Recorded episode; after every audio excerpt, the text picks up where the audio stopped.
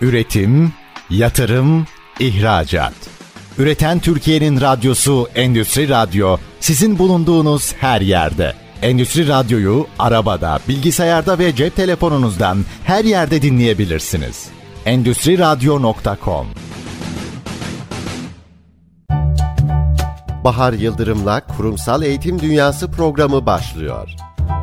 Efendim merhaba ben Bahar Yıldırım. Bahar Yıldırım'la Kurumsal Eğitim Dünyası programımıza hepiniz hoş geldiniz. Her hafta olduğu gibi bu hafta da çok değerli bir konuğumuz var. Bu haftaki konuğumuz Sinerjiya kurucu ortağı Sayın Doktor Ali Kurt bizlerle birlikte olacak. Ali Bey hoş geldiniz. Nasılsınız? Hoş bulduk Bahar Hanım. Teşekkür ederim. Sizler nasılsınız? Bizler deyiz. Çok teşekkür ediyoruz. Ne zamandan beri programımızı davet etmiştik. Zaman ayırdığınız için, bugün burada bizimle olduğunuz için tekrar çok teşekkür ediyoruz. Ali Bey sizlere öncelikle bir tanıyalım. Ali Kurt kimdir? Ben önce öncelikle hem size hem de Endüstri Radyo'ya çok teşekkür ediyorum. Burada olmaktan çok mutluyum öncelikle onu söyleyeyim. Ali Kurt kimdir? Önce oradan başlayalım. Ben Beykent Üniversitesi Teknoloji Transfer Ofisi Direktörü, Doktor Üretim Üyesi Ali Kurt.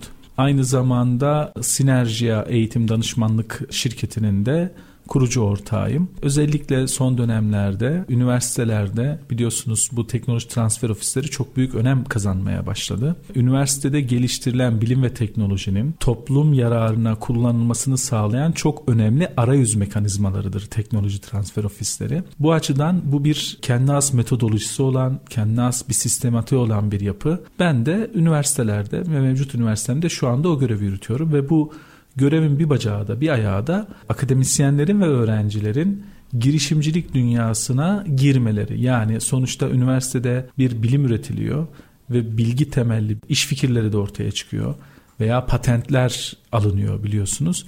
Bir şekilde bunların toplum yararına kullanılıyor olması lazım. İşte biz fikirden ürüne diyelim veya fikirden girişimciliğe bütün bu yolculukta akademisyenlere, öğrencilere, teknoloji geliştiricilere rehberlik eden önemli bir mekanizmayız üniversite tarafında. Sinerjiya'da bir girişimcilik merkezi. Oranın da kurucu ortağıyım ben. Belki Türkiye'nin en büyük uluslararası girişimcilik merkeziyiz biz. 55 farklı ülkeden binin üzerinde üyemiz var bizim. Yani adını bile duymadığımız birçok ülkeden insanlara Türkiye'de şirket kurmuş ve onların şirketlerinin gelişimine katkı sağlayan bir pozisyonda duruyoruz. Ve doğal olarak bu da aslına bakarsanız yaptığımız teknoloji transferi işiyle doğrudan alakalı bir şey. Çünkü bu teknoloji transferinin ekonomik değere dönüşmesinin en önemli yollarından bir tanesi de bu teknolojiyi geliştiren insanların kendi şirketlerini kurup kendi girişimcilik hikayelerini yazmaya başlaması. Onu da yaptığımız işi de akademik dünyada yaptığımız işi de bütüncül hale getirmesi bakımından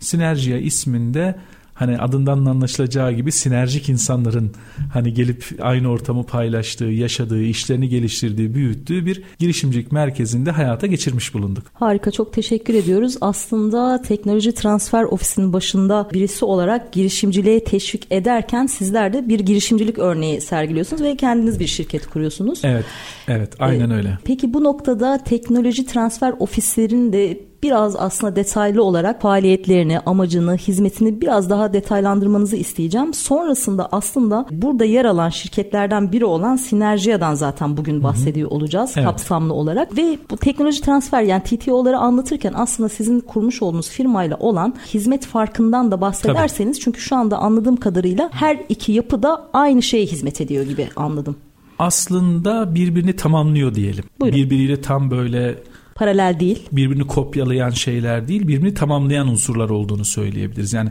dişlilerin birbirine böyle iyi oturtulduğu zaman birbirine çok katkı sağlayan mekanizmalar. Şimdi teknoloji transfer ofisi ne yapar? Önce oradan başlayalım. Bu aslında üniversitelerin görevi. Evet. Dünyada bazı başka özel yapılar da var, örnekleri de var ama hani Türkiye'de daha çok üniversitelerin çatısı altında kuruluyor teknoloji veya teknoparkların çatısı altında kuruluyor. Amaç şu. Şimdi ben bir akademisyenim işte diyelim ki kimya alanında çalışan bir akademisyenim ve Özellikle pandemi döneminde biliyorsunuz işte hijyen ve temizlik çok büyük önem taşıyor ve yani virüsleri ortamdan temizleyecek diyelim ki işte bir havanın yani içine katılabilen bir diyelim ki kimyevi madde geliştirdim hem insan sağlığına zarar vermiyor hem hava kalitesini arttırıyor. İşte hem de virüsleri temizliyor diyelim ki. E şimdi doğal olarak bu bir değer. İşte ama ben bir hoca olarak bunun teknolojisini geliştirebilirim sadece. E bu teknolojinin de geliştirilmesi için tamam kafamda bir fikir var daha sadece. Bu teknolojinin de geliştirilmesi için benim finansal kaynaklara ihtiyacım var. İşte biz ne yapıyoruz TET olarak? Diyoruz ki hocam gel bunu destekleyebilecek çeşitli kamu fonları var. Uluslararası fonlar var. Sana gel bir destekli proje yazalım.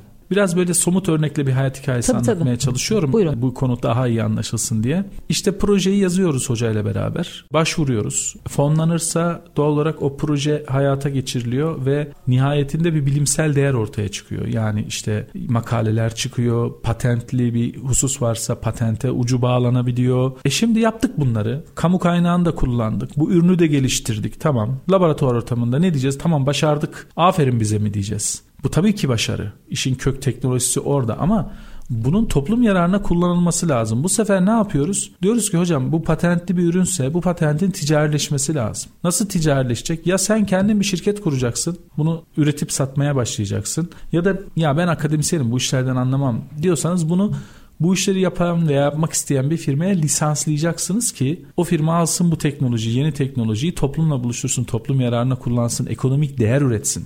Yani derdimiz bu. Öğrencilerimiz için de aynı şey geçerli. Çocuklar işte bir mobil app yapıyorlar. Diyelim ki kuru temizleme sektörü Türkiye'de henüz dijitalleşmemiş. Öğrencimizin biri diyor ki hocam ben geleneksel esnafın yaptığı işler var. İşte terzilik. Bunları yaşadığımız somut örnekler olduğu için söylüyorum. İşte kuru temizleme işi. İşte bununla beraber başka neler olabilir? Ayakkabıcılık mesela. İşte bütün bunları ben bir dijital ortama aktarmak istiyorum. Dijital pazarları yapacağım.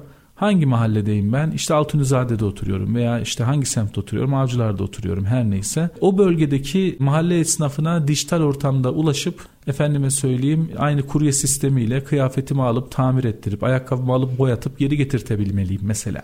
Bir iş modeli olarak anlatıyorum bunu. Ben böyle bir mobil app geliştirdim ama çok güzel bir iş fikriymiş dediğimizde bu genç arkadaşların da akademisyenlerin de bir rehberliğe, mentörlük hizmetlerine, bir danışmanlık sürecine, bir know-how'a ihtiyacı var. Çünkü onda bir girişimcilik fikri var ama bu arkadaşın yapacağı işin hukuksal boyutunun her şeyini bilmesini bekleyebilir miyiz? Çok zor. Yani muhasebe ve mali müşavirlik hizmetleri çok zor. Bunlar çok özel alanlar. Birçok detaya olan işler. İşte personel işe alacak diyelim ki hangi neye göre alacak yani. Birçok veya işte iş plan hazırlayacak, kar zarar ilişkisi kuracak. Diyelim ki maliyetleri var. Her maliyeti daha önce tecrübe etmemiş bir kişinin görmesi mümkün değil ki. Mesela diyor ki ya hocam işte benim bu iş için 100 bin liraya ihtiyacım var. Neye dayanarak söylüyorsun bunu? İşte diyor mobil aplikasyonu 50 liraya 60 liraya yaptıracağım. İşte reklam giderim var. E başka başka bir giderin olmadığını mı düşünüyorsun mesela? Ofis giderin olacak, elektrik su giderin olacak, efendim mesela personel giderin olacak. Yani bir, Görünmeyen birçok maliyet olacak. İşte doğal olarak daha tecrübeli insanların daha az tecrübeli insanlara destek olduğu bir mekanizmanın hani kurulması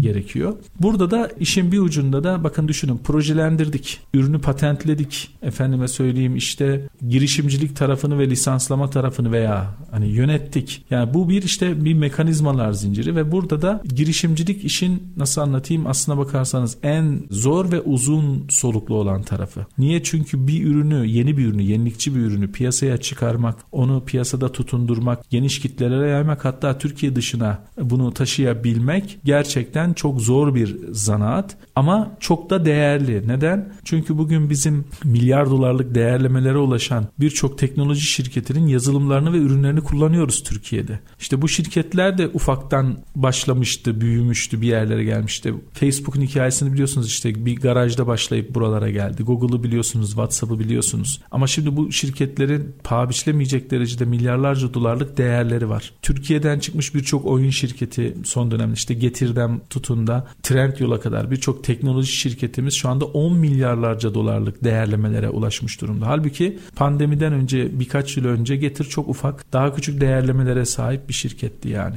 Şimdi doğal olarak bu süreç bu teknoloji geliştirme ve bunu girişimciliğe aktarma süreci gerçekten kendine has bir dinamiği olan zorlukları olan bir süreç ve bunu da bir akademisyenin, öğrencinin veya bir girişimci adayının bu yolu tek başına yürümesi çok zor. Mesela fonlama mekanizmalarını bilmiyor insanlar. Ya benim böyle bir iş fikrim var.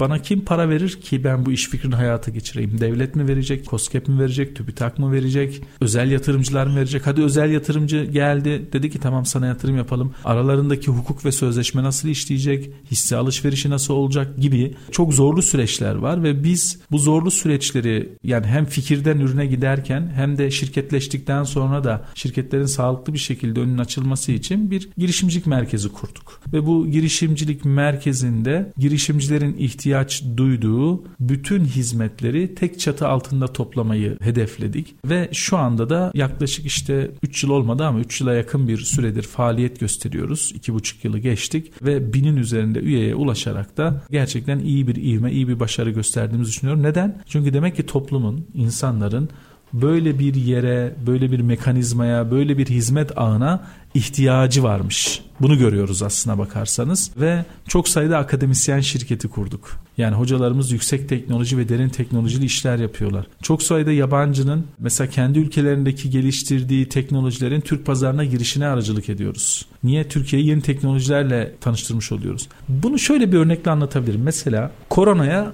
işte Pfizer'ın yatırımıyla bir Alman şirketi aşı geliştirdi. Neydi aşının adı? Hatırlamıyorum. Kullanıyoruz yani hepimiz o aşıyı da. Türkiye'de de kullanıldı. Bir aşı geliştirdi. Şimdi bakıyoruz Özlem Türeci ve eşi yani iki Türk, Almanya'da yaşayan iki Türk bunu geliştirdi. Tamam bunu yapan iki tane Türk bilim insanı ama kazandıkları para ve ödedikleri vergi Alman devletine gidiyor. Yani milliyeti ve tabiyetinin aslında bir önemi kalmamış oldu. İşte bu know-how ve bilgi transferi açısından yurt dışından yabancı diyelim hani insanların ve şirketlerin gelip Türkiye'de şirketleşmesi, Türk pazarına girmesi aslında Türkiye'de onları değer üreten hatta ürettikleri değer üzerinde vergi ödeyen bir şirket konumuna getiriyor. Hani aslında yabancı sermayenin, bilginin ve know-how'ın dolaylı yoldan ülkemize transferini sağlamış oluyoruz. Bu da çok önemli. Mesela bugün Silikon Vadisi'ne biz işte her yıl çeşitli delegasyonlarla gidiyoruz. Çeşitli ziyaretler yapıyoruz. Oradaki önemli girişimcilik merkezlerini, inovasyon merkezlerini ziyaret ediyoruz. Mesela bu ziyaretlerimizde şunu görüyoruz. Göçmen diye bir kavram var ya. Aslında Amerikalı değil adam ama gelmiş Amerika'ya Neden gelmiş? İşte diyor ki burada diyor girişimciler için fırsatlar var, altyapılar var, mekanizmalar var, fonlama imkanları var, yatırımcılar var ve bir de pazar var. Amerika'nın zaten kendisi 300 küsür milyonluk ülke. Bir de bir Amerikan şirketi olarak dünyanın her yerinde iş yapma kabiliyeti var. Geliyor işini Amerika'da kuruyor. Bir Çinli, bir Hintli, bir Pakistanlı. Bizim ülkemizden de çok insanlar var orada. Neden? Çünkü orada bir fırsat, bir sistem görüyor. Hukuk çalışıyor. Bu da çok önemli. E, Türkiye'ye baktığınızda da özellikle İstanbul'a yani emsali olmayan bir kentte yaşıyoruz bölgede şöyle bir bakın. Bana sorarsanız dünyada bir emsali yok ama en azından ticari hayat bakımından bölgeyi değerlendirdiğinizde İstanbul gibi bir kent daha yok. Yani İstanbul'u etrafını bir yuvarlak çizdiğinizde yüzlerce binlerce kilometre etrafında İstanbul gibi bir kent yok yani. Doğal olarak gerçek bir pazar, gerçek bir ekonomi, gerçek bir canlılık, gerçek bir nüfus, alım gücü yüksek, efendime büyük söyleyeyim. bir potansiyel. Büyük bir potansiyel. Ne yapıyor bu sefer çevre ülkelerdeki girişimciler? Türkiye'ye geliyor. Niye? 80 milyon nüfus var. Sadece Türk pazarına iş yapsa. Veya Türkiye üzerinden Avrupa ve Amerika gibi pazarlara açılmaya da geliyorlar. Doğal olarak girişimcilik faaliyetlerini ülkemizde eğer civcivlendirebilirsek, geliştirebilirsek, hareketlendirebilirsek bunun ülke ekonomisine katkısının da ne kadar önemli ve büyük olacağını aslında tahmin etmek de zor değil yani. Ali Bey aslında çok güzel bir şekilde özetlediniz e, ve büyük resmi bize göstermiş oldunuz. Bu noktada kısa bir süre içerisinde iki buçuk yıl, üç yıla yakın bir süre içerisinde çok büyük bir hacimden bahsediyorsunuz. 55 farklı ülkede binlerce üyeden bahsediyorsunuz. Evet. Tabii ki deneyiminiz tartışılmaz ancak bu kadar kısa sürede bu kadar büyük bir başarı elde etmenin yine de sırrını bizimle paylaşabilir misiniz? ya aslında şöyle diyelim hala kendimizi çok başarılı görmüyoruz. Önce buradan başlayalım. Daha gidecek çok yolumuz var. Yani her şeyden önce bunu söylemek lazım. Ama ben bu işi hani kurma fikrini ortaya çıkardığımızdan beri yani işte bir yıl öncesi de kurmadan bir yıl öncesi de fikri altyapısını oluşturuyorduk. Yani hangi işi yapacağız, nasıl yapacağız kurucu ortak arkadaşlarımızla hani bu şirketi nereye götüreceğiz bunları konuşurkenden itibaren yani hiç erken yattığımı hatırlamam. Cumartesi, pazar diye bir kavramımız yok çalışmadığımız bir gün kalmadı yani son 3 yıldır. Aslında bir tane şey var o da çalışmak yani. Birincisi insanın bildiği işi yapması lazım. Ben hep onu gördüm hayatta. Yani bana deseniz ki ya benim tamam ailem çiftçilikten geliyor ama Ali hocam gel gidelim şurada iki tarla sürelim deseniz ya beceremeyiz. Elimizi yüzümüze gözümüze bulaştırırız. Öğrenmemiz birkaç sene sürer yani. Hani illa öğreniriz de bir öğrenmenin de kendine az bir zaman ve para maliyeti var yani. Sonra bir de rekabet üstünlüğü elde etmeniz lazım. Yani başkasının yaptığından daha iyi bir şeyler yapıyor olmanız lazım. Bir yerde fark yaratmanız ha, gerekiyor. Fark yaratmanız lazım. E, farkı yaratmak da öyle kısa süreli tecrübelerle olmuyor.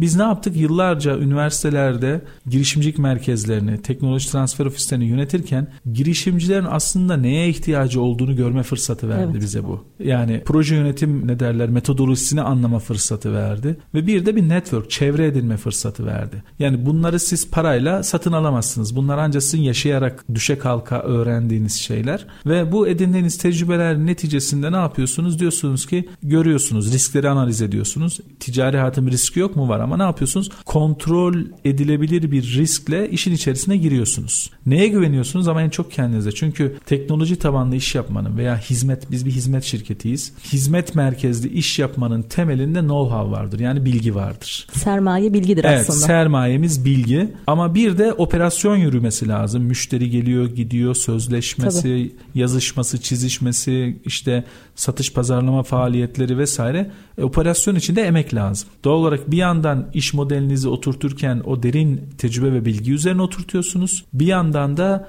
temel stratejilerinizi, vizyonunuzu bozmadan bir operasyon sistemi kuruyorsunuz veya temel stratejilerinize hizmet veren bir operasyon sistemi kuruyorsunuz. Durum böyle olunca aslına bakarsanız başarı böyle geliyor. Ama kontrollü büyümek dediğiniz gibi halka evet, halka adım adım. Evet. Başarı böyle geliyor. Yani ben aslına bakarsanız yani bir iş yaparken başarıyı değerlendirirken asla tesadüf olarak görmem. Yani bu altında büyük bir emek, alın teri ve tecrübe olduğunu düşünürüm her zaman. Aslında ben de soruyu sorarken sormuş oldum ama nihayetinde ne kadar dışarıdan buzdağının tepesi iki buçuk yıl, üç yıla yakın görünse de arkasında 20-30 yıllık bir e, evet. deneyim var ve birçok çalışanınız olduğu için çarpı yüzyıllar var şöyle aslında diyelim, know-how işte olarak. Ben çok küçük yaşlardan itibaren çalışmaya başladım. Hani varsayın ki işte nereden baksanız 43 yaşındayım ben 30 yıldır falan çalışıyorum yani.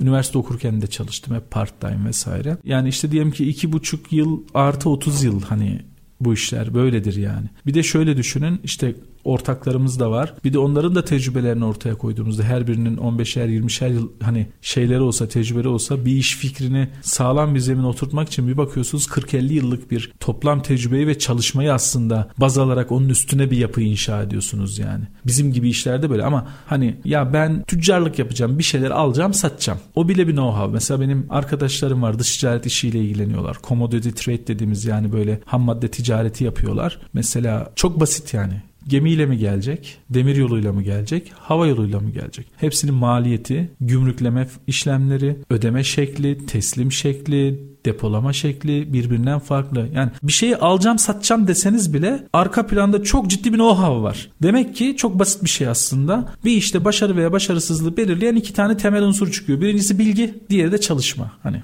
ve deneyim. Tabii işte o deneyim mutfağında işte o bilgi başlamak. Bilgi aslında o deneyimin meyvesi. Evet. O deneyim olmasa o bilgi düzeyine erişemiyorsunuz zaten. O kadar yaşayacaksınız ki göreceksiniz ki o bilgi düzeyine erişesiniz diye. Bu arada daha ilginç bir şey söyleyeyim. Mesela biz şirketimizi kurduğumuzda kendi şirketimizle ilgili bazı hayallerimiz vardı. Şirketi kurup çalışmaya başladıktan sonra hayallerimizi değiştirdik. Mesela örnek verebilir misiniz? Yani biz mesela Sinerjia'yı İstanbul'da kurduk ve Türkiye'de çeşitli kentlerde büyütmeyi planlıyorduk. Dedik ki ya hayır böyle yapmayacağız. Mesela biz niye uluslararası bir vizyon taşımıyoruz? Bu sefer ulus yani ne bileyim Bursa'da bir sinerjiyi açmakla Polonya'da, Varşova'da bir sinerjiyi açmak arasında bir maliyet farkı çok fazla yok. Dijital bir şirketten bahsediyoruz e, değil tabii, mi? Yani Hı-hı. bir de hizmet satıyoruz. Elle tutulur bir şey değil. Yani çok sayıda ne derler onlardan lokasyon, şube açmanın da hani bir çok mantığı yok yani. O nedenle biz ne yapıyoruz? Hizmetlerimizi bir hizmet ağı oluşturmaya karar verdik.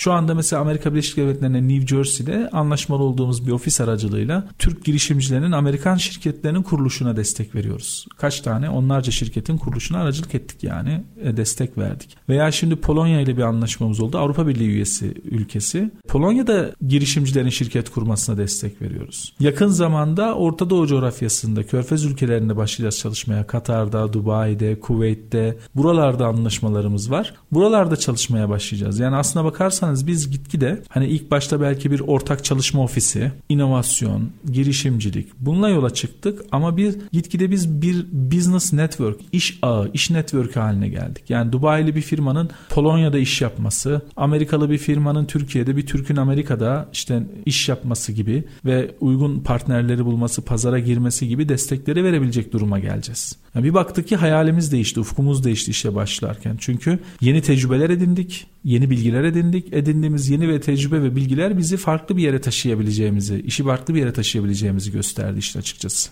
Ve bu süreç içerisinde yeni yeni öğrenme sürecine hala devam ediyorsunuz. Evet. Efendim şimdi kısa bir ara veriyoruz. Kısa bir aradan sonra kaldığımız yerden tüm hızımızla devam ediyor olacağız. Sakın bir yere ayrılmayın. Üretim, yatırım, ihracat. Üreten Türkiye'nin radyosu Endüstri Radyo sizin bulunduğunuz her yerde. Endüstri Radyo'yu arabada, bilgisayarda ve cep telefonunuzdan her yerde dinleyebilirsiniz. Endüstri Radyo.com Efendim tekrar merhaba. Bahar Yıldırım'da Kurumsal Eğitim Dünyası programımızın ikinci bölümüyle tekrar karşınızdayız. Yayını yeni açanlar için hemen kısa bir hatırlatma yapalım. Bu haftaki konuğumuz Sinerjiya kurucu ortağı Sayın Doktor Ali Kurt bizlerle birlikte. Efendim ilk bölümde kendisi Beykent Üniversitesi'nde bir akademisyen ve teknoloji transfer ofisinin başında. İlk bölümde hem üniversitelerdeki TTO yapısından bahsettik hem de aslında kurucusu olduğu Sinerjiya firmasının kuruluş amacından bahsettik ama ikinci bölümde biraz böyle Ali Bey maddelendirerek anlatmanızı isteyeceğim. Aslında sinerjiye deyince anlamamız gereken şey özet olarak ve toparlayacak olursak bir şirket kurulumunda bir şirket kurmak isteyen birisinin ihtiyacı olan ne tür hizmetler varsa bütün hizmetleri sağlayan bir firma. Şu an günümüzde herhangi bir firma kurmaya çalışsak herhalde 5-6 kişiyle muhatap olmamız gerekecek. Bunun mali müşavirliği, işte işte patenti, olsun veya işte birçok işte danışmanlık olsun siz bütün hizmetleri aynı çatı altında barındıran bir kurumsunuz. Peki yine aslında ilk bölümde bahsettik ama bir firma kurulumunda hangi tür hizmetlere ihtiyaç vardır genel olarak? Siz hangi tür hizmetleri veriyorsunuz? Evet çok bilinmeyen bir denklem o. Kendine hasta bir uzmanlığı olan bir iş. Doğal olarak vergi sistemlerini çok iyi bilmeniz lazım. Birincisi bu. Şimdi şöyle diyelim ben mali müşavir değilim. Mali müşavirlik hizmeti de vermiyoruz ama şirket kurulurken ki kuruluş öncesi bütün o kompozisyonu, değişkenleri göz önünde bulundurmak gerekiyor. Neden? Mesela diyelim ki bir e-ticaret yapacak bir adayımız var. Yapacağı şey işte tekstil satmak, takı satmak veya başka kendine has ürünler geliştirmiş onları satmak istiyor internet ortamında. İlk sorduğumuz şey kaç yaşındasın şirket kurucusu olarak? Eğer 30 yaşın altındaysa Örneğin devletimizin genç girişimci destekleri var. Teşvikler. Yani aslında teşvik evet bir çeşit teşvik ama şöyle yani bir para vermiyor devlet ama bazı vergilerden ve ödemelerden muaf tutuyor. Şimdi, o da bir kazanç evet, nihayetinde. Tabii o da bir kazanç sonuç itibariyle. Veya ortaklı bir yapı kuracaksa bu sefer şirketin yapısı, ortaklığın yapısı burada devreye giriyor. Sonra o zaman soruyoruz ileride mesela bu şirket yatırım alacak bir şirket mi? Hani siz bir teknoloji geliştiriyorsa işte diyelim ki ortaklı bir yapı varsa ve başka yatırımcılardan da finansal kaynak sağlayacaklarsa o zaman diyoruz ki sizin anonim şirket kurmanız lazım. Çünkü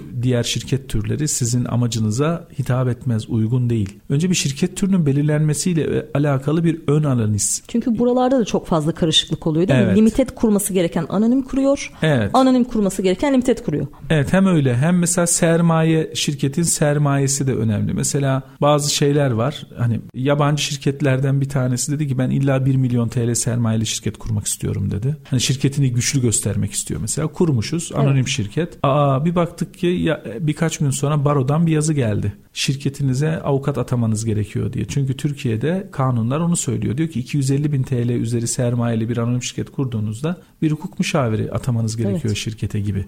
Onun da kendine az bir aylık maliyeti var. Yani buna benzer birçok böyle hani bilinmezler var. Bilinmezler var. Doğal olarak şirket kurarken daha bunların doğru kurgulanması gerekiyor. Bu işin böyle adım adım yani kimisi aile şirketi gibi şirket kuruyor. Bunlara mesela limited şirket öneriyoruz. Kimisi genç girişimci, genç girişimci teşviklerinden faydalanması gerektiğini söylüyoruz. Kimisi ortaklı startup diyeceğimiz büyümeye uygun teknoloji şirketleri onlara mesela anonim şirketi e, öneriyoruz veya yabancı uyrukluların Türkiye'de şirketleşme süreçleri var. Onlar da çok önemli bir süreç ve birçok detay var işin içerisinde. Mesela onların gene yapılarına bakıyoruz. Onlara şahıs şirketi kurulmuyor. İşte diyoruz ki limited veya işte anonim şirket olarak teşkil edilmelisiniz. Aralardaki farklar şunlar. Çoğuna limited kuruluyor ama hani anonim şirket olarak da teşkil edilenler çok Türkiye'de. Ve bu sayede biz aslında şirketleşme öncesi o bilinmezler yumağını çözen taraftayız. Bu aslında çok değerli onlar için. Neden? Çünkü daha adam şirketini kurarken yol haritasını belirlerken bizden ciddi destekler alabiliyor bu konuda. Daha başka neler var? Mesela hocam işte biz yurt dışından bir ortağımız var Pakistanlı. İşte bir Türk ortağımız var. Bir de işte Dubai'den biri var. Ayda çeşitli milletlerden, farklı ülkelerden ortakların Türkiye'de kuracağı bir şirketin hazırlanması lazım. Bir kere onlara bir ortaklar sözleşmesi öneriyoruz. Diyoruz ki önce kendi aranızda işte hak, paylaşım, şirketi kimin yöneteceği, ne olacağı konusunda partnership agreement dediğimiz ortaklık sözleşmeleri sürecini yürütüyoruz. Çok sayıda firmanın ortaklık sözleşmelerini yaptık. Niye yaptık? Çünkü daha sonra bu şirketlerin sürdürülebilir bir platformda hayatını sürdürmesi lazım ortaklar arasındaki bir uyuşmazlık ve anlaşmazlık olduğu zaman anlatabiliyor muyum? Kitleniyor şirketler. Yönet, ve o noktada da yine size mi başvuruyorlar? Tabii ortaklar sözleşmesini hazırlıyoruz biz onların. Hukuk desteği veriyoruz aslında onlara bir anlamda. Legal dediğimiz yani yasal, yasal. mevzuat hakkında bilgiler veriyoruz ve gerekli olan sözleşmeleri hazırlatıyoruz. Kimle? Kendi bilgimiz dahilindeyse kendimiz yoksa bir hukuk ofisinin desteğini alarak yaptırıyoruz onları. Ama böyle bir şeyin var olması gerektiğini bir ilk defa bizimle öğrenenler oluyor. Ardından şirket ana sözleşmesi diye bir şey var. Doğal olarak eğer limited veya anonim şirket kuruyorsanız bir sermaye şirketi kuruyorsunuz demektir. Bir şirket ana sözleşmesi hazırlanır. İşte ortaklar sözleşmesi ve şirket ana sözleşmesinin birbiriyle uyumlu olmasından tutun da tek kişilik bir şirket kuruluyorsa bile o şirketin faaliyet alanlarının doğru belirlenmesine kadar çok detaylı bir süreç var orada. Niye? Çünkü şirketlerin bugünlü değil yarınını planlamamız lazım. Bütün derdimiz bu. Artı bununla beraber aslında şöyle bir bütünleyici yaklaşım sergilersek daha iyi olur bizi anlatmak açısından. Evet. Biz aslında 3 tane temel hizmet veriyoruz. 3 ana kategoride. Bunlardan biri physical services yani fiziksel hizmetler dediğimiz alan. Burada Türkiye'de bir şirket kurarken şirketlerin bir yasal adresi bulunması gerekiyor. Ofis adresinizin olması gerekiyor. Yani yasal adresiniz olmadan şirket kuramazsınız. Biz şirketlerin yasal adres ihtiyacını, ofis ihtiyacını karşılıyoruz. A'dan Z'ye. Güzel bir ofisimiz var Levent'te. Orada orası onların yasal adresi oluyor. İkincisi digital services dediğimiz dijital hizmetler alanı var. Burada da o şirketler kuruluyor. Onun bir logoya ihtiyacı var tasarım yapılması lazım. Web sitesine ihtiyacı var. Bir web tasarımcısının çalışması lazım. Yazılım ihtiyaçları vardır veya reklam ihtiyacı var. Dijital pazarlama ihtiyaçları var. Bütün bu dijital hizmetleri de bizimle bizden tek merkezden alabiliyorlar. Üçüncüsü de intellectual service dediğimiz entelektüel hizmetler. Yani bilgiye dayalı hizmetler. İşte şirket kuruluşu bunlardan bir tanesi. Evet, danışmanlık işte, yani. Evet. Orada danışmanlık veriyoruz şirket kuruluşuyla alakalı. Artı bununla beraber marka tescil. Mesela özellikle patente konu hususları varsa patent değilse markalarının korunması ile ilgili marka tescil hizmetlerini veriyoruz. O konuda destek veriyoruz girişimci arkadaşlarımıza. Sözleşme desteği veriyoruz mentörlük ve danışmanlık destekleri veriyoruz. Yani o arkadaşların işlerini başarıya ulaştırmaları için gerekli olan bütün zırhı, silahı onlara kuşandırmaya çalışıyoruz aslında. Donanımsal ve yazılımsal evet, olarak evet. her türlü desteği sağlıyorsunuz. Ve bunu yaparken şuna çok dikkat ediyoruz. Özellikle bunları hem oldukça kaliteli hem de düşük maliyetli vermeye çalışıyoruz. Niye? Çünkü buradaki amacımız bizim iş modelimizdeki amacımız insanların iş dünyasına girerken ki o zorlukları bariyerleri aşağı çekmek. Zaten o zorluklardan en büyüğü o işlerin yapılmasından ziyade bilinmeyenlerin olduğu çok bilinmeyenli bir havuzun ortasında kendimizi evet. buluyor olmamız ve bu hizmetleri farklı kişilerden ve kurumlardan alıyor olmamız. Haliyle işte kime başvuracağımızı bilmiyoruz. Doğru kişilerle mi karşılaşıyoruz? Yanlış kişilerle mi karşılaşıyoruz? Acaba hakkını mı alıyor? Hakkından fazla mı alıyor derken bir de o yapılan işler arasında bir entegrasyon, bir Tabii. sinerji olmuyor. Ya kolaylık diye bir kelime var ya yani kolaylık sağlıyoruz Siz aslında. Siz kolaylaştırıyorsunuz aslında evet. şirket kurulumları. Evet yani şirketin tabii sadece kuruluşu değil devamındaki ihtiyaç duyduğu hizmetleri de Oraya da geleceğiz. Bir, bir de güven hani güvenli bir kanaldan bütün bunları yapmalarını sağlıyoruz işin açıkçası. Peki şirketi kurduk. Sonrasında biraz önce sizin de söylediğiniz gibi sadece şirketi kurup bırakmıyoruz. Aslında şirketin belli bir noktada hedefine ulaşması için, büyümesi için de destek oluyorsunuz diye Doğru. biliyorum. Peki bu alanlarda ne tür hizmetleriniz var? Bir onlardan bahsedelim. Sonra şirketlerin aslında yaşadıkları temel e, sorunlardan, zorluklardan Tabii. bahsedelim. Şimdi tabii şirketlerin büyümesi için işte pazara, müşteriye ihtiyacı var yatırımcıya ihtiyaçları var. Biz özellikle tabii bir şirketin yerine tutup pazarlama faaliyeti yapmıyoruz ama doğal olarak onların pazarlama yaparken ihtiyaç duydukları tool'ları onlara veriyoruz. Veya bizim aslına bakarsanız bir de Sinerji Business diye bir markamız var. Burada nitelikli tırnak içerisinde nitelikli danışmanlık dediğimiz bir alanda hizmet veriyoruz. Mesela yabancı bir şirket geldi Türkiye'de bir yatırım yapmak istiyor. Hı hı. Bir fabrika açacak. Burada üretim yapacak. Mesela onun bir fizibilite desteğine ihtiyacı var. Ve bu hani herkesin yapabileceği bir şey değil. Yatırım fizibilitesinin hazırlanması gerekiyor. Biz mesela yatırım fizibilitesi desteği veriyoruz onlara. Hani bu yatırımı nereye yapabilirsin, kaç paraya yaparsın, kaç kişi çalışacak, üretim kapasiten ne olacak, maliyetlerin ne olacak, hangi pazarları satacaksın, piyasadaki rakipler kimler, fiyatlar neler. Çok detaylı bir fizibilite, yatırım fizibilitesi çıkartıyoruz. Artı bununla beraber onların investment management dediğimiz yatırım yönetimi süreçleri var. O yatırımın hayata geçişi anlamına geliyor bu. Karar verdikleri andan itibaren o yatırımın sağlıklı bir şekilde hayata geçişi için A'dan Z'ye bütün hizmetleri aşağı yukarı verebiliyoruz. Hangi sektör için, sektörler için Sektör spesifik bir şey yok burada. Hangi sektör olursa olsun. Mesela her sektörde Çinli, uzmanlık. E, tabii Çinli bir üreticinin Türkiye'deki yatırım süreçlerine de destek olduk. Fizibilitelerini hazırladık. Dubai'li bir gaz türbünü firmasının işte Türkiye'deki yatırımlarını işte sözleşmeleri falan imzalandı. Bitti. Bunları yaptık. İşte ne bileyim bir İranlı firmanın yedek parça üreticisi firmanın işte Türkiye'de otomotiv yedek parça üretimiyle alakalı e, fizibilitesini de hazırladık. Yani o yüzden bir sektör spesifik değil. Bu konuda öbek öbek uzman ekiplerimiz var. Mesela bir talep geldiğinde hangi uzman ekibin alanına giriyorsa o uzman ekip hazırlıyor şeyleri, bu fizibiliteleri, yatırım süreçlerini.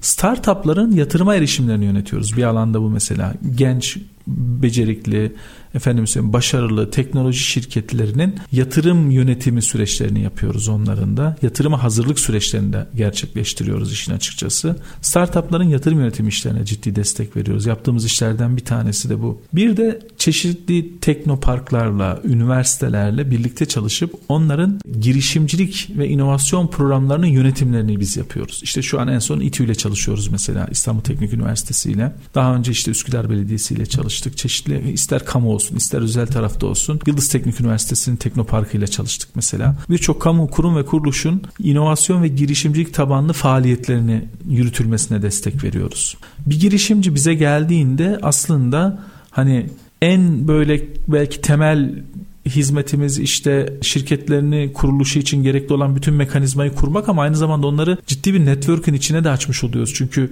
hani bahsettiğim bütün kurumlarla güzel ve organik bağlarımız var. Bir firma Teknopark'ta yer istiyorsa nasıl başvurulur Teknopark'a? Oraya gidişinden tutun da ya ben ürünlerimi uluslararası pazarlara açmak istiyorum. Bana destek olur musunuz diyene kadar birçok hani aslında fikri olan herkesin tabii, yanındasınız. Yani iş yapan diyelim business iş yapan herkesin bizden bizle bir işi olur yani öyle düşünün. Yani iş modelimiz böyle bir şey. O nedenle de derin bir tecrübe oluştu. Yani yüzlerce firmayla, binlerce firmayla muhatap olunca piyasada kim ne yapıyor, nasıl yapıyor? Bir firma geldi kimi kimle eşleştirebiliriz, kim kimle çalışabilir? Hani ciddi bir böyle bir, bir network'ü yönetme fırsatımız var yani. Peki hemen kısa bir reklam arası daha verelim. Kısa bir reklam arasından sonra son bölümle tekrar karşınızda olacağız. Üretim, yatırım, ihracat. Üreten Türkiye'nin radyosu Endüstri Radyo sizin bulunduğunuz her yerde. Endüstri Radyo'yu arabada, bilgisayarda ve cep telefonunuzdan her yerde dinleyebilirsiniz. Endüstri Radyo.com Efendim Bahar Yıldırım'la Kurumsal Eğitim Dünyası programımızın 3. bölümüyle yani son bölümüyle tekrar karşınızdayız. Hemen konumuzu tekrar kısaca hatırlatmak isterim. Bugün Sinerjia firmasının kurucu ortağı Sayın Doktor Ali Kurt bizlerle birlikte. Son bölümde aslında e, bu kadar sektörde, sektörlerin içerisindesiniz. Edindiğiniz tecrübelerden biraz belki örnek vermenizi isteyeceğim. Hangi sektörde genellikle temel olarak hangi sorunlar yaşanıyor veya bir şirket kurulduktan sonra yaşanan temel sorunlar Biraz bunlardan bahsedelim. Aslında sektöre çok inanan biri değilim. Yani sektör bağlı düşünmemek lazım. Sadece trend odaklı düşünmek gerekiyor. Yani örneğin şimdi tarım sektörü diyelim ki evet. bize çok uzak gelebilir ama tarıma yönelik teknoloji geliştiren arkadaşlarla söz arkadaşlar söz konusu olduğunda işler değişiyor mesela nedir? İşte yapay zeka ile görüntü işleme ile işte tarlalarda işte ne derler onun adına gübreleme işi yapıyor mesela bazı insanlar. Veya işte dronlarla işte tahıl şeylerinde tarlalarında diyelim yangın izleme yapıyorlar. İşte tohum ekerken işte yine dronlarla tohum ekme çalışmaları yapanlar. Abi bakıyorsunuz çok gelenekselmiş gibi görünen bir alandan başka teknolojiler çıkabiliyor yani. Veyahut işte diyelim ki ben öyle girişimciler de rastladım. Özellikle Akdeniz bölgesinde bizde meyve yetiştiriciliği çok fazladır. İşte babasının geleneksel meyve bahçeleri var diyelim ki bir arkadaşın. Ne yapıyorlar? Kasa kasa meyveleri işte hale gönderiyorlar. Doğal olarak oradan marketlere, oradan bizim soframıza geliyor. Ama ne yapıyor? Ailenin yeni nesli genç arkadaş. Ya diyor ki ben diyor meyve cipsi üreteyim diyor. İşte elmanın cipsini yapayım, efendim portakalın cipsini yapayım, şunun cipsini. E bir bakıyorsunuz hani kilo bazında da ciddi katma değer üreten yenilikçi gıda ürünleri ortaya çıkabiliyor. O yüzden böyle sektör spesifik düşünmek aslına bakarsanız bizi biraz yanıltabilir. Mesela basın yayın sektöründe işte basılı materyal mesela basılı gazete, basılı dergi bunlar mesela gitgide ivme kaybeden şeyler. Ama ne yapıyorsunuz siz yenilikçi çözümlerle basın yayın sektöründe işte dijital içerik geliştirme ile alakalı yeni bir teknoloji geliştiriyorsunuz. Bu da ne yapıyor? Birden aslında düşüşte olan bir trende yeni bir ivme kazandırabiliyorsunuz. Aslında işte sırf bu yüzden sektör spesifik düşünmenin aslına bakarsanız doğru olmadığına inananlardanım Yeterli ben. değil. Evet. Hangi sektör olursa olsun her sektörde yenilik yapılabilecek, dijitalleştirilebilecek, değer üretebilecek birçok alan olduğunu söyleyebilirim işin açıkçası. Yani çok rahat bir şekilde bunu söyle. Mesela diyelim ki berberlik. Berber ben diyelim ki berberlik işi yapıyorum yani doğal olarak.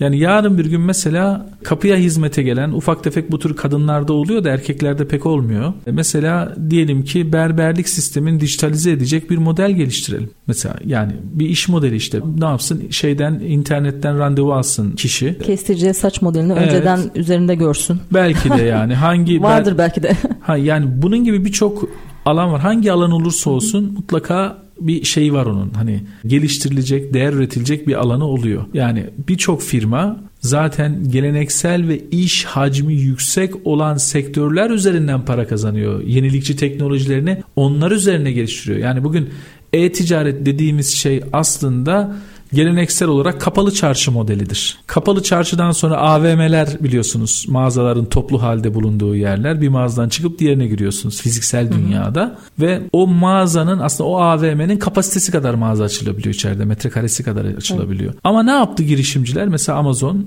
Jeff Bezos dedi ki kardeşim dedi ya bunu dedi ben dijital ortama taşıyabilirim dedi. Gel sen de aç mağazan. İşte Türkiye'de de var biliyorsunuz birçok e-ticaret pazar yeri dediğimiz alanlar. Adı da pazar yeri bu arada. Aynen aynen aynen. Yani düşünün ya adı da pazar yeri yani. Dijital ortamda pazar açıyoruz artık Peki, yani. Peki tam bu noktada şunu sormak istiyorum şimdi siz anlattıkça. Evet. Şimdi her sektör, her şey, her yaptığımız şey dijitalleşiyor. Bu noktada aslında dijital koçluk, dijital danışmanlık gibi kavramlarla da karşı karşıya kalıyoruz. Hı hı. Peki sinerjiye olarak sizin yapmış olduğunuz danışmanlık hizmetinin ileride dijitalleşmesiyle birlikte sizlere ne kadar ihtiyaç kalacak? Evet.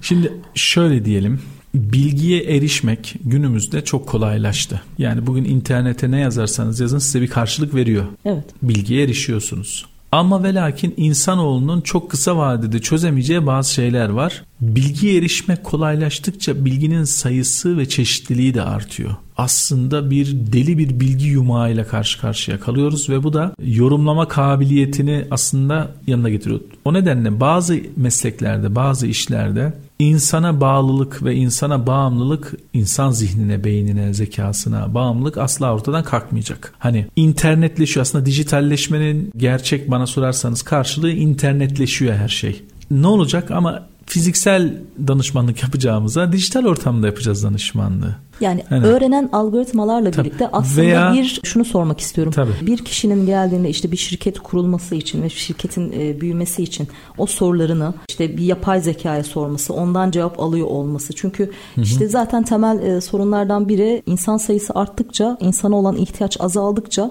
bu insanlar aslında ne yapacak sorusuna Tabii. geliyoruz belli bir noktada. Sizin işinizle de örtüştürdüğümüzde evet illaki hani geçiş döneminde insana her daim ihtiyaç olacak ama ya sonra? Ya sonrası tabii uçsuz bucaksız bir alan öyle söyleyelim. Neden diyeceksiniz? Çünkü bugün internetleşen dünyanın da en önemli unsuru içerik içerik geliştirme. Siz bir temel içeriği geliştirip bir makineye öğretiyorsunuz. Sonra o makine kendisi artık e, öğrenmeye başlıyor. öğrenmeye başlıyor ve doğal olarak makine kendisi öğrenmeye başladıkça da artık o içerik inanılmaz değerli ve anlamlı hale geliyor. Yani bugün işte bizim Google'ın elindeki data neye yol açıyor? İşte dijital çeviri yazılımları geliştirmiş durumda, algoritmaları geliştirmiş durumda. Reklam optimizasyonları için inanılmaz oradaki öğrendiği data çok önemli.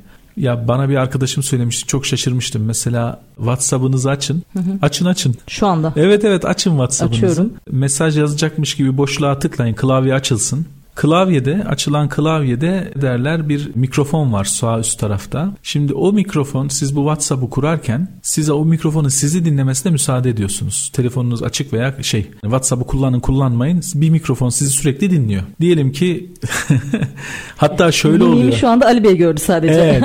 evet. Şimdi mesela ne yapıyorsunuz siz? Kendi aranızda bir şey konuşuyorsunuz bir ürünle alakalı. Bir, birkaç dakika sonra Facebook'a, Instagram'a girdiğinizde bir bakıyorsunuz ki o ürün çıkıyor karşınıza karşınıza. Yani şimdi şimdi doğal olarak yakalanıyoruz as- yani. Ha, yakalanıyorsunuz. Sizin Hı-hı. ilgi alanınızı hemen yakalıyor ve sizin ilgi alanınıza göre reklamlar çıkarmaya başlıyor sistem. İşte öğrenen makine böyle bir şey. Yani biri bizi gözetliyor aslında. Evet ve yani. biz buna izin veriyoruz. Kendi rızamızla izin veriyoruz. Ya ben burada hani şu şu kısımda değilim. Ya bunlar çok tehlikeli. Özel hayatın gizliliği, KVKK vesaire bu kısımlar yani teknolojinin geldiği noktayı tabii, anlatmak tabii. için tabii. söylüyorum. Hı-hı. Doğal olarak yarın bir gün Hani bunlar da data topluyor gittiğimiz yer, efendime söyleyeyim yediğimiz Aslında yemek, herkes verdiğimiz bir sipariş. Şekilde. Evet. Herkes bir insan topluyor. gibi topluyor datayı, topluyor, topluyor, topluyor. Sonra orada bir işte yapay zeka çalışıyor. Diyor ki bu adam nelerden hoşlanır? Bu kadın nelerden hoşlanır? Ne kadar iyi tanırsa evet. o kadar doğru doğru Doğal kişiye doğru hizmet. Ne yapıyor? O datayı paraya çevirmek için elinden gelen her şeyi yapıyor sistemler yani. Amaç zaten o datayı doğru kullanabilmek, yönetebilmek. Evet. evet. Peki biraz da aslında eğitim süreçlerinden sizinle bahsetmek isteyeceğim. Malumunuz zaten programımızın adı Kurumsal Eğitim Dünyası. Hı hı. Şirketlerin büyümesi için ihtiyacı olan en temel süreçlerden biri de aslında çalışanına yapacağı yatırım. Yani bunun da adı bir nevi aslında eğitim oluyor. Hı hı. Sizler bu noktada şirketleri kurduktan sonra, kurulmasına destek olduktan sonra büyüme sürecinde çalışanlarına eğitim verilmesi e, adına ihtiyaç duyulan eğitimlerle ilgili Geri dönüşler yapıyor musunuz? Bu noktada hizmetler veriyor musunuz? Veya ileride böyle projeleriniz var mı? Tabii. Şimdi biz birçok kuruma çeşitli paketlerde danışmanlık hizmetleri veriyoruz. İsim zikretmeyeyim şimdi. Tabii. Çalıştığımız birçok kurum var. Birkaç tanesini az önce söyledim. İnovasyon ve girişimcilik evet. alanında çalıştıklarımızı. Ama ve lakin bu programları bir bütün yani bütüncül bir kafayla ele almaya çalışıyoruz. Yani tek başına eğitim değil. Çünkü tek başına eğitimlerin genelde kısa süreli etkisi oluyor. Biz daha çok uzun süreli kurumsal dönüşüm programlarını yönetmeye çalışıyoruz ağırlıkta ama eğitim tabii bunun vazgeçilmez bir parçası. parçası. Olmazsa olmaz Parçası, yani. bütünü evet, değil. Bütün, Onu ben evet. her yerde altın çizerek evet. ben de hani söylemeyi e, severek de söylüyorum. Yani eğitimler gerçek değişim ve dönüşümü sağlamaz. Sadece farkındalık yaratır. Evet. Gerçek değişim ve dönüşüm aslında o puzzle'ın parçalarının her birine dokunmakla olur. Bunun altında süreçler vardır, sistemler vardır ve dediğiniz gibi danışmanlık gibi aslında uzun soluklu yol arkadaşlığı vardır. E, eğitimlerle aslında ilk başta o tohumları ekmeye başlarsınız. Buyurun sözünüzü kestim. Yok estağfurullah siz de çok doğru bir yere değindiniz. Yani burada önemli olan nokta eğitimin doğru kurgulanması, eğitmenin doğru kurgulanması, gerçekten kurumun ihtiyacına yönelik bir içerikle verilmesi ve eğitimin etrafında onu destekleyici unsurlarla etkisinin kalıcı hale getirilmesi gerekiyor. Peki önerileriniz nedir? Bu dediklerinizin olması için. Çünkü e, artık herkes eğitmen oldu. Herkes eğitim satar oldu. Çok akademinin sunduğu eğitimleri belli sitelerden 50 liraya 60 liraya da hani bulabilir hale geldik. Yani bir şeyler değersizleşti. Bu değeri tekrar ayağa kaldırarak işin hakkını verebilmek için bu noktada bir akademisyen olarak, bir bilirkişi olarak diyelim artık buradaki önerilerinizi çok merak ediyoruz. Şimdi burada eğitim alacak kurumlara tabii çok büyük görev düşüyor. Neden? O eğitimi neden istediklerini çok iyi anlamalar lazım. Mesela doğal olarak herkes üretkenliği arttırmak ister. Herkes personelin bilgisini, moral ve motivasyonunu arttırmak ister. Her kurum daha karlı, daha verimli, daha iyi hale gelmek ister. Bu okey. Ama biraz verim elde etmek için detaylara daha çok inmek gerekiyor. Gerçekten ne istiyorum? Gerçekten hangi problemi çözmek istiyorum? ve gerçekten bu problemi çözmek için seçtiğim yol doğru muyu biraz tartmak gerekiyor kurumlar açısından. Bir de evet bir eğitim programı yapalım ama bu eğitim programını kurum içerisinde kalıcı değere dönüştürmek için destekleyici ne tür faaliyetler geliştirmemiz lazım? Yiyecek içecek sektöründe önemli bir aktöre biz bir danışmanlık süreci yürütüyoruz şu anda. Evet. Örneğin hijyenden tutun da işte mutfak sanatlarına kadar çeşitli eğitimler veriliyor şu anda mesela orada. Ben de yönetim sistemlerinin kuruluşunda destek veriyorum ama üç bacaklı bir danışmanlık sistemi kurduk. Mesela bir bacak bildiğiniz kor danışmanlık. Hı hı. İşler nasıl yürüyor? Hı. Verimlilik nerede? Verimsizlik neyden kaynaklanıyor? Hı hı. Organizasyon şeması doğru kurgulanmış Daha mı? Teknik. Hı hı. İşte görev tanımları, efendime söyleyeyim dokümantasyon. Hani işler gerçekten nasıl yürüyor? Sahada bizzat anlamak gerekiyor. Süreç yönetimi. Evet, birincisi evet süreçler çıkıyor aksayan yönler orada tıkanmış damarlar tespit edilip orada çeşitli bypasslar veya ameliyatlar yapılması lazım. Bu yeterli mi değil. Bunun kalıcı olması için işte eğitim devreye giriyor. Ha bizim şu şu şu başlıklarda eğitime ihtiyacımız var. Hangi gruplara şu eğitimi şu grup alacak bu eğitimi de hani eğitimin konusuyla ona ihtiyaç duyan grupların da Tabii. doğru ayarlanması Hı-hı. gerekiyor. Eğitimle beziyoruz ama ardından da o eğitimlerin ve danışmanlık sürecinin kaliteli hani sürdürülebilir hale gelmesi ve kurumda pozitif netice alınması için bunu nasıl kurumun içerisinde bir kültür haline getirebiliriz? Hı. Bunun çabası içerisindeyiz. Bu da tabii uzun soluklu ve maliyetli bir süreç olduğunu çok rahatlıkla söyleyebilirim ama işte yani güzel olan hiçbir şey kolay değil. Çok doğru Çok ama net söyleyeyim yani. işte aslında bunu ne kadar anlatırsak anlatalım e, bunun maliyetini en başta o bütçeye baktıkları için maliyetli olduğu için hap şeklinde bir şeyleri mesela diyorsunuz ki işte bu eğitimin en az hakkı bir 10 gündür örnek evet. veriyorum. İşte 2 günde veremez miyiz? E, ben diyorum ki bir saatte de verebiliriz sorun yok yani. Hani ne kadar özete inersek Hı-hı. o kadar detayları kaçırmış oluruz. O yüzden buradan da aslında seslenmiş olalım. Çok böyle maliyet odaklı olursak kaliteden ödün vermiş oluyoruz. Ve e, nihayetinde aslında sizlerin de söylediklerine hani özetleyecek olursak ve teyit edecek olursak hani şunu da söylemek istiyorum. Birçok kurumda aslında katalog eğitimi satıyor. Yani ezbere eğitim satıyor. İhtiyaca özel eğitimler. Evet. Yani şirketin mevcut e, durumunun aslında röntgenin çekilmesi, mevcut durum analizinin yapılması. Yani her sektörün sizlerin de söylediği gibi dinamiği farklı, şirketlerin hedefleri farklı, çalışanların profilleri farklı. Çok fazla evet. değişken var ve o şirketin belki o dönemde odaklandığı konular farklı. Yani hangi noktadasın, nereye gelmek istiyorsun ve A noktasından B noktasına gelmek için hangi yetkinliklerini, hangi kaslarını güçlendirmen gerekiyorsa o yönde eğitimler. Yani attığımız taşın ürküttüğümüz kuşa dediğiniz gibi bir anlamda değiyor olması lazım. Bu noktada son dakikaların içine girdik. Benim sormadığım, sizin söylemek istediğiniz e, bir şey varsa onu sizden dinleyelim. Evet. Öncelikle dinleyicilere çok teşekkür ediyorum. Endüstri Radyo'ya da çok teşekkür ediyorum. Bu dilek ve temenniler kısmı işin en önemli kısmıdır. Yani iş yapmak dünyanın bana sorarsanız en heyecan verici unsurlarından, işlerinden bir tanesi. Mutlaka insanları girişimci olmaya davet ediyorum. Hele hele günümüzde enflasyonist bir ekonominin yaşandığı, ücretlerin, maaşlı işlerin değerinin çok düştüğü bir dönemde girişimcilik yolculuğu, herkesin kendi işine bir şekilde sahip olması yolculuğu gerçekten çok değerli, çok kıymetli. İşsizliğinde, ekonomik krizlerinde, kalkınmışlığında, yükselen yaşam standartlarının da A'dan Z'ye çözümü girişimcilikte yatıyor. Ama Tabii bu nasıl bir hayat tercih etmek istediğinize bağlı. Eğer konformist bir adamsanız çok net şunu söylemem lazım ki çok güzel bir sözdür. Hayatta hep kulağıma küpe olmuştur. Orta yolda giderken hiçbir mucize gerçekleşmez evet. derler. Yani hep yolun ortasından gideyim, sağ sol dokunmayayım, yani hiçbir risk almayayım, hiçbir sıkıntı yaşamayayım diye bir hayat yaşıyorsanız eğer e, mümkün değil hayatta büyük başarılar elde edemezsiniz. Birincisi bu. İkincisi hayatta gerçekten başarı elde etmiş girişimcilerin, hayatta gerçekten başarı elde etmiş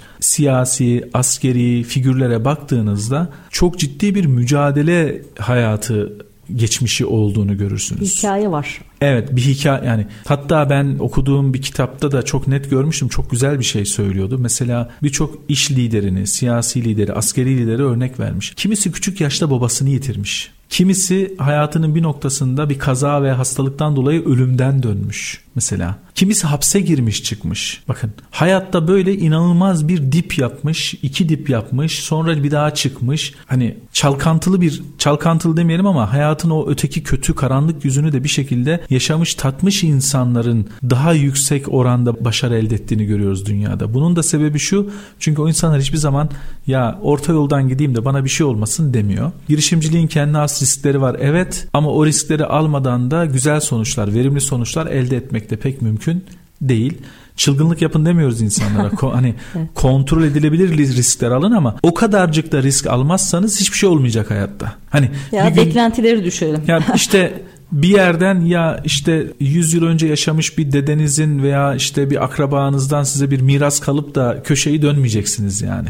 Hani ekonomik açıdan bakıyorum veya insanın kendini kişiliğini gerçekleştirmesi bakımından yani ihtiyaçları içerisinde baktığınızda. Her şey para da değil kendini. Tabii ki yani hani bizler kurumsal dünyada maaşlı çalışacağımız kurumlarda çok iyi şartlarda çalışabilen insanlardık bir geçim sıkıntımız derdimiz de yoktu girişimci olurken ama kendimizi gerçekleştirme arzumuz var. Potansiyel var, bir bilgi var, bir enerji var, bir tecrübe var. Bunu nasıl toplumla buluşturup mutlu olabiliriz yani? İnsanın biraz da buna da ihtiyacı var. O yüzden bütün bunların aslında en güzel alanı girişimcilik tarafı. O nedenle herkese kendi girişimcilik ruhunu ve kabiliyetlerini keşfetmelerine davet ediyorum herkese aslına bakarsanız. E, çok güzel bir sözle de bitirmiş evet. olalım programı. Ağzınıza sağlık diyoruz. Efendim bugün bizlerle e, Sinerjiye kurucu ortağı Sayın Doktor Ali Kurt bizlerle birlikteydi. Kendisine çok teşekkür ediyoruz. Önümüzdeki hafta yine aynı gün ve saatte görüşmek üzere. Hayırlı akşamlar diliyoruz efendim. Okul hayatı biter, eğitim hayatı bitmez diyerek de programı bitirmiş olalım. İyi akşamlar.